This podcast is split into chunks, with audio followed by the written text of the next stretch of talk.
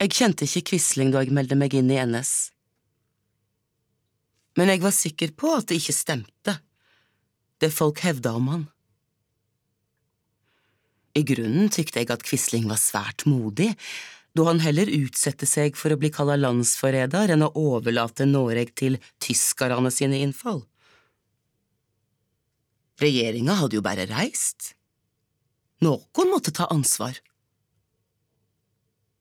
Jeg trodde i det lengste på Hitlers ord om at Europa, ja hele verden og ikke minst Norge ville bløme som aldri før når freden kjem.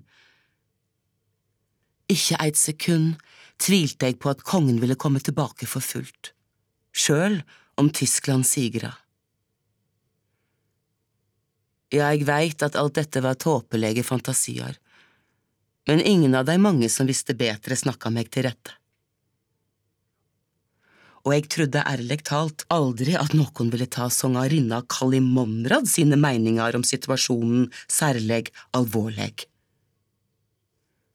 Som teatersjef ved Det Norske Teatret så jeg det som i oppgave å mekle og glatte ut og unngå vansker for kunstnerne. Hele tida prøvde jeg å påvirke tyskerne positivt. Høsten 1944 forhindra jeg til og med at teatret blei nedlagt på grunn av den evigvarende publikumsboikotten.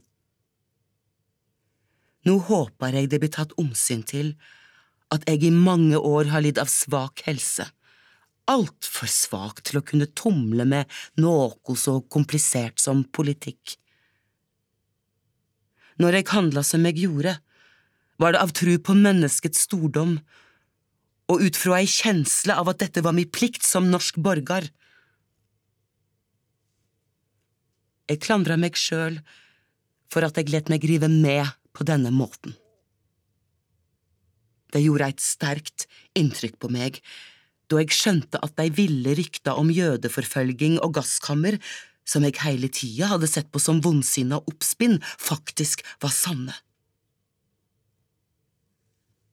Jeg kan bare si at jeg djupt beklager alle feila jeg har gjort. Fra først til sist.